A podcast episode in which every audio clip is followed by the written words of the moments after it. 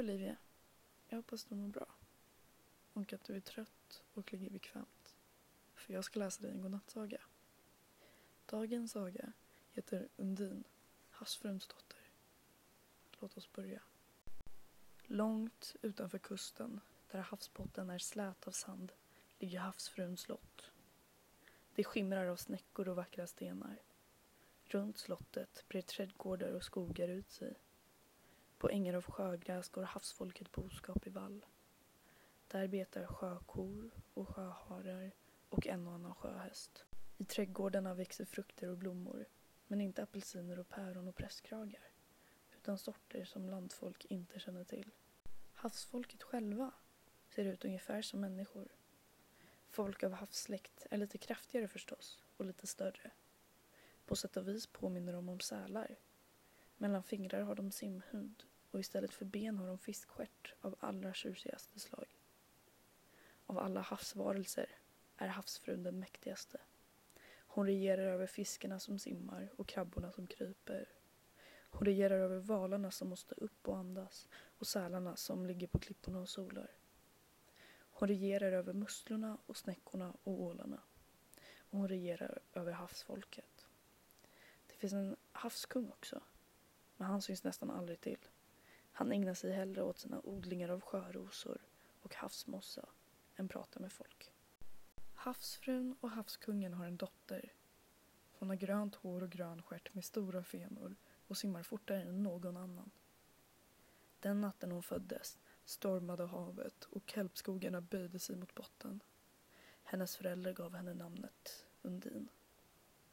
Vid samma tid fick trädgårdsmästaren och trädgårdsmästarinnan en son. Pojken hade rött hår och röd fiskstjärt och de kallade honom Harald. De två barnen växte upp tillsammans och lekte varje dag i Slottsträdgården. Om kvällarna, innan de somnade, vinkade de åt varandra från sina fönster och på morgonerna tittade de efter varandra så fort de vaknat. De matade sina tama sjöhästar och lät dem simma ikapp. De lekte kull i slottets alla salar och klättrade i de högsta algrevorna. De bakade anemonpaj och sandkakor i slottköket med havskungen och plockade sjögurkor med trädgårdsmästarinnan i Slottsträdgården. De låg i bakhåll för trädgårdsmästaren och skrämde honom så han skrek och de gömde sig i bagaget när havsfrun skulle resa någonstans. De grälade och försonades och hittade på presenter åt varandra. Men så en dag försvann Harald. Man letade i slottets alla rum och under varje tångbuske i trädgården utan att finna honom. Undin grät och ropade efter sin vän. Havsfrun skickade ut stora fiskstim som sökte Harald. De simmade längre och längre bort och letade. Till världens alla hav simmade de, men ingenstans fann de honom. Undin blev så olycklig att hon varken åt eller sov. Hon bara satt på en sten utanför slottet och grät. Långsamt blev hon magrare och magrare. Hennes hår bleknade och hennes vackra fiskstjärt slokade. Havsfrun och havskungen visste inte vad de skulle ta sig till. På alla sätt försökte de muntra upp henne. De gav henne de vackraste leksaker. De kallade på clownfiskarna som simmade och gjorde konster. De lagade den godaste mat Undin visste. Anemonsoppa och sjögräsglass. Men Undin bara grät. Så en dag kom en gammal gädda simmande till slottet. Hon bad att få tala med havsfrun och blev genast insläppt i tronsalen. Jag kan skänka prinsessan glömska, sa gäddan. Havsfrun tänkte länge. Hon tittade genom fönstret på Undins tunna kropp och lyssnade på hennes gråt. Så nickade hon åt gäddan. Då gav gäddan en duk åt havsfrun och sa När du lägger den här duken över prinsessan så glömmer hon pojken. Men om någon nämner hans namn minns hon, minns hon allt samman igen. Så simmade gäddans iväg och havsfrun la duken över Undin. Precis som gäddan sagt glömde Undin då Harald. Hon slutade gråta. Hon lekte med sina vackra leksaker och åt sin mat och skrattade åt clownfiskarnas konster. Havsfrun sände bud till alla hav att ingen fick nämna Haralds namn. Och så växte Undin upp. Hon skrattade och lekte och gjorde kullerbyttor i vattnet. Hon simmade i kapp med sälarna och lekte kurragömma i slottsträdgården. En dag hittade hon ett alldeles nytt gömställe i en buske intill trädgårdsmästarna hus. När hon drog för några tångsrukor syntes hon inte alls. De andra barnen blev hittade ett efter ett, men hur de än letade fann de inte Undin. Hon satt under sin buske och fnissade tyst. Precis ovanför Undins buske satt trädgårdsmästaren vid ett öppet fönster. Han såg på barnen som lekte. Så suckade han. Om ändå Harald fått vara med, sa han för sig själv. Då mindes Undin allt sammans. Hon mindes Haralds röda hår och hur de lekt tills han försvann. Hon väntade tills trädgårdsmästaren stängt sitt fönster. Sen simmade hon hem till slottets tronsal där havsfrun och kungen satt på varsin tron. Undin svängde lite med skärten och ställde sig på sjögräsmattan framför dem. Jag ger mig ut i världen nu, sa hon, för att söka redan på Harald. Havskungen reste sig upp. Vem har sagt hans namn? röt han. Men havsfrun nickade åt sin dotter. Det är bra, sa hon. Havskungen satte sig igen. Han nickade han också. Ja, ja, sa han. Så sträckte han lite på sig. Tusen fiskar får följa dig och beskydda dig, sa han. Undin skakade på huvudet. Jag simmar ensam, sa hon. Havsfrun nickade. Så gav hon sin dotter tre ting. Det första var en algtvål som doftade av nyskördad purpurton. Det andra var en kam som gnistrade av ädla stenar och pärlemor. Det tredje var en repstump med tre knutar. Om du knyter upp den första knuten får du vind, sa havsfrun. Och om du knyter upp den andra knuten får du storm. Men knyt inte upp den tredje knuten. Så gav sig Undin ut i de stora haven för att söka efter Harald med det röda håret. Först simmade hon till det varma havet i söder. Där var fiskarna röda och blåa och gröna. Havsfolket stjärtar lyste i starka färger. Undin frågade alla hon mötte efter Harald, men ingen kunde hjälpa henne. Trött och modfälld simmade hon upp till ytan och satte sig på en stel intill en hög klippa. Havet slog mot stenen och långt över Undin seglade väldiga albatrosser. Då hörde hon något som pep så ynkligt. Hon kröp över sin sten och kikade ner på andra sidan. Där låg den största fågelunge hon någonsin sett. När Undin tittade uppåt såg hon att två av albatrosserna cirklade runt, runt och spejade oroligt. Hon ropade på dem och de kom svepande neråt. Deras vingar var så stora att hon kunnat ha dem till täcke. Undin la ungen på sin sjögrässjal och föräldrarna tog tag i varsin ända. På så vis kunde de bära ungen tillbaka till boet. Jag söker min vän, sa Undin. Harald med det röda håret. Vet ni var jag kan finna honom? Det visste albatrosserna inte. Men de sa att om hon någon gång behövde deras hjälp så skulle hon bara kalla på dem. Så ropade de tack och flög sin väg. Sen simmade Undin till det kalla havet i norr. Där var vattnet klart som glas. I stora stim simmade tusen silvervita fiskar. Havsfolkets stjärtar var ljust blå som vattnet.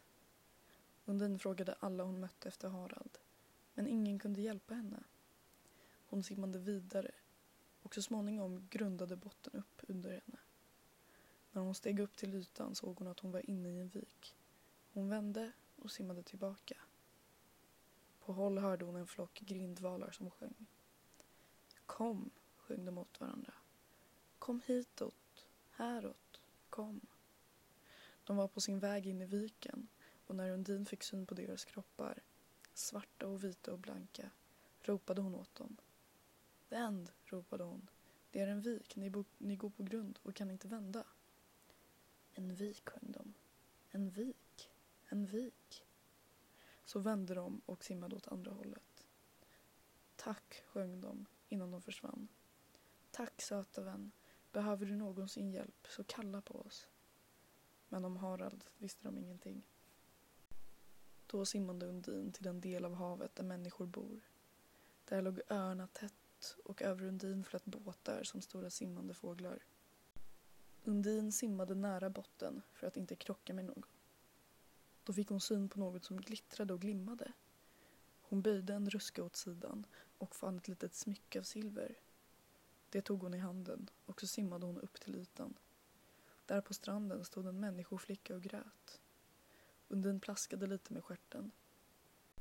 När människoflickan lyfte på huvudet frågade Undin henne varför hon grät. Jag har tappat mitt hänge, sa flickan. Tråden på det satt och gick av när jag simmade och nu är det borta för alltid. Undin kröp upp på en sten till flickan. När hon räckte fram smycket slutade flickan gråta och log. Tack, sa hon. Tack snälla. Men vad ska jag hänga det på? Undin tänkte ett ögonblick. Så ryckte hon loss tre av sina gröna hårstrån, flätade dem till en snodd och räckte människoflickan. Flickan log igen och tackade. Jag söker min vän, sa Undin. Harald med det röda håret och den röda stjärten. Vet du var jag kan finna honom? Flickan skakade på huvudet. Nej, sa hon. Men fråga stenbiten. Han kanske vet. Och om jag någon gång kan hjälpa dig så ropa. Jag heter Line. Undin tackade och dök ner i vattnet igen. Så simmade Undin bort från människornas öar till det djupa hav där stenbiten bor. Stenbiten är den äldsta av alla fiskar. Långt nere på botten där kelpskogen är som mörkast håller den till. När någon fisk av misstag förirrar sig dit hugger stenbiten honom innan han hinner vända.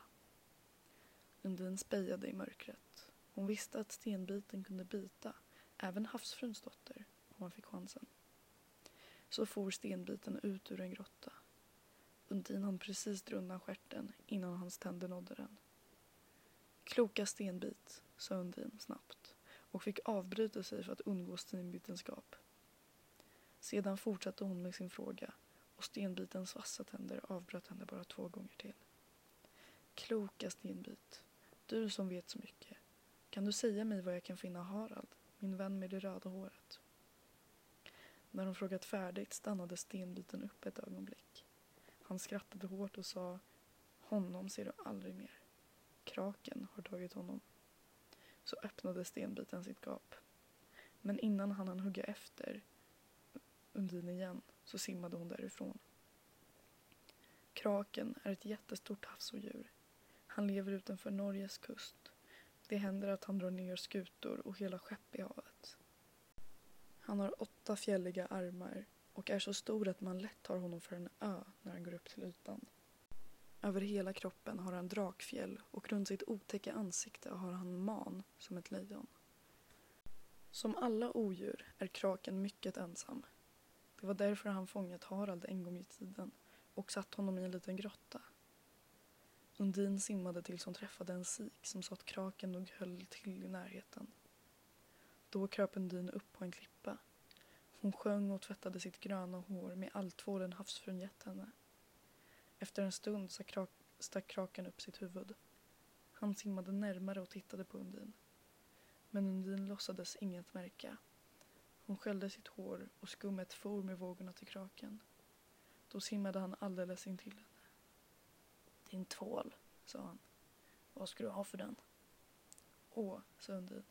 Den är inte till salu, men om du vill låta mig se Harald kan du få den. Kraken vickade lite på sitt huvud och så tänkte. Han slog med alla åtta armar och vattnet stänkte och vek undan. Då kunde Undin se ända ner till Harald som satt i sin grotta och suckade. Får jag tvålen nu? sa kraken och Undin hade inget annat att göra än att ge den honom. Han tvättade sin stora man och såg mycket nöjd ut. Då tog Undin fram kammen som havsfrun gett henne. Hon sjöng och kammade sitt gröna hår. Stenarna på kammen knistrade i solen när hon drog den genom håret. Kraken tittade på henne, men Undin låtsades som ingenting. Då simmade han alldeles intill henne och sa Din kam, vad ska du ha för den? Åh, sa Undin, den är inte till salu. Men om du ville låta mig tala med Harald kan du få den. Kraken tänkte lite. Så sänkte han en av sina långa armar i djupet. När han drog upp den igen så höll han i Harald. Harald kände genast igen Undin och förstod att hon kommit för att rädda honom. Är du här? sa han. Hur har du det? frågade Undin. Men innan de hann säga något mer sänkte kraken armen och Harald försvann i, i djupet. Ger du mig kammen nu? sa kraken och Undin kunde ingenting annat göra än att ge honom den. Kraken kammade sin man tills den blänkte. Han såg mycket nöjd ut. Då plockade Undin fram repet med de tre knutarna. Hon lossade på den första knuten. Genast blåste en liten bris upp. Den torkade försiktigt hennes hår. Sen drog Undin till knuten igen. Kraken simmade nyfiket närmare. Vad är det här för en tamp du har? frågade han. Undin förklarade att den gav vind, vind och mer vind för varje knut man knöt upp. Vad ska du ha för repet då? undrade kraken. Om du ska få repet vill jag att du släpper Harald fri.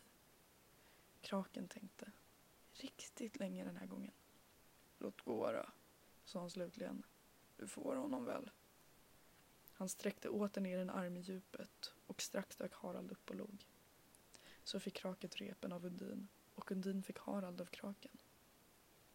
Hon och Harald simmade glada bort tillsammans. Men de hade inte kommit långt förrän det började blåsa. De hörde djupet, ljudet av krakens piskande armar. Då förstod de att han ändrat sig och knutit upp den första knuten. Vi hinner aldrig undan, sa Harald. Men Undin såg inte rädd ut. Fåglar på den höga klippan, ropade hon. Albatrosser. Jag räddade ett barn, nu får ni rädda mig. Och genast kom de två stora fåglarna flygande. De sänkte sig ner mot vattnet och Harald och Undin klättrade upp på deras ryggar. Barnen höll sig fast och så bar det iväg. Högt över havet seglade de på krakens vind. Undin såg på vattnet som var stort och blått och platt under dem. Aldrig hade hon vetat att havet kunde se så ut. Men så tog vinden i. Den ven till storm. Det var kraken som knutit upp den andra knuten. Fåglarna sänkte sig ner mot havet igen. I den hårda blåsten kunde de inte bära mer än sig själva. Undin tackade för hjälpet och så var de tillbaka i havet. De hörde krakens piskande armar och Harald sa Nu tar han oss. Då ropade Undin på grindvalarna och de kom genast simmande från norr. Du hjälpte oss, sjöng de. Du hjälpte oss, nu hjälper vi dig. Undin och Harald hängde sig fast i ryggfenorna på varsin val och så bar de av. Men vinden ökade till orkan och själva havet kom i rörelse också djupt ner under ytan. Som en jättelik älv forsade det runt, forsade det runt grindvalarna. Det var kraken som hade knutit upp den tredje knuten. Grindvalarna kämpade en stund mot undervattensstormen. Sen satte de av Undin och Harald i en klippa och simmade bort. Barnen klamrade sig fast i blåsan och Harald sa Nu är vi förlorade. Men Undin såg sig omkring och kände igen stranden de satt vid. Människoflicka Line, ropade hon in i vinden. Jag fann ditt smycke. Nu får du gömma dig, mig. Då kom flickan ner på stranden. Hon hjälpte dem i land och in i ett hus som stod helt nära. Ni kan vara i sjöboden tills det lugnat sig, sa hon. I sju dagar och sju nätter stannade Undin och Harald i sjöboden. Vinden ven genom väggarna och boden skakade och skalv. Men den stod kvar. Flickan kom med mat till dem. På den sjunde dagen slutade blåsa. Då hade kraken gett upp och knutit knutarna igen. Undin och Harald tackade flickan för hjälpen och simmade hem till havsfruns slott. Där blev glädjen mycket stor förstås. Havsfrun ställde till med fest och hela landet firade. Till festen bjöd Undin och Harald alla som hjälpt dem. Albatrosserna och grindvalarna och människoflickan. Till och med stenbiten bjöd dem. Men han kom inte och fisken som simmat med inbjudan kom inte tillbaka. Vem vet, kanske hade hon egna äventyr att klara ut. Men alla andra kom och havskungen höll tal. Undin, sa han, min dotter, jag är mycket stolt över dig. Men jag förstod nog att du skulle lyckas. Havsfrun log och trädgårdsmästerskapet kunde inte ta ögonen ifrån sin Harald. Sen skildes Sundin och Harald aldrig mer åt utan de levde hela livet tillsammans. Nästan hela tiden var de lyckliga och de fick många barn som så småningom gav sig ut i världen. Bland annat Henrietta som tämjde kraken med list och blåa vantar. Men det är förstås en helt annan historia. Jag hoppas du gillade den här sagan. Jag hoppas att du sover och att du kommer sova gott och drömma om mig kanske. Du är bäst och jag älskar dig för alltid.